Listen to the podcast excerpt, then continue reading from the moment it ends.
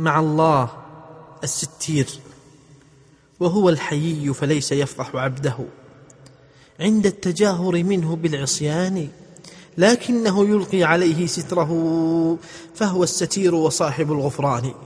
اللهم استر عوراتي وآمن روعاتي واحفظني من بين يدي ومن خلفي وعن يميني وعن شمالي ومن فوقي وأعوذ بك أن أغتال من تحتي.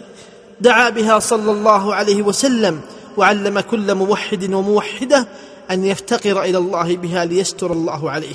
الله يستر عباده ولا يفضحهم ويحب منهم الستر على أنفسهم وهو المحب لتارك القبائح تبارك وتعالى وهو ساتر العيوب والفضائح تبارك وتعالى. الله يكره المجاهر بالمعصية ويبغضه. وفي الحديث كل أمتي معافى إلا المجاهرين قال الله تعالى ان الذين يحبون ان تشيع الفاحشه في الذين امنوا لهم عذاب اليم. الله يحب الستر ويرغب فيه وفي الحديث من ستر مسلما ستره الله يوم القيامة.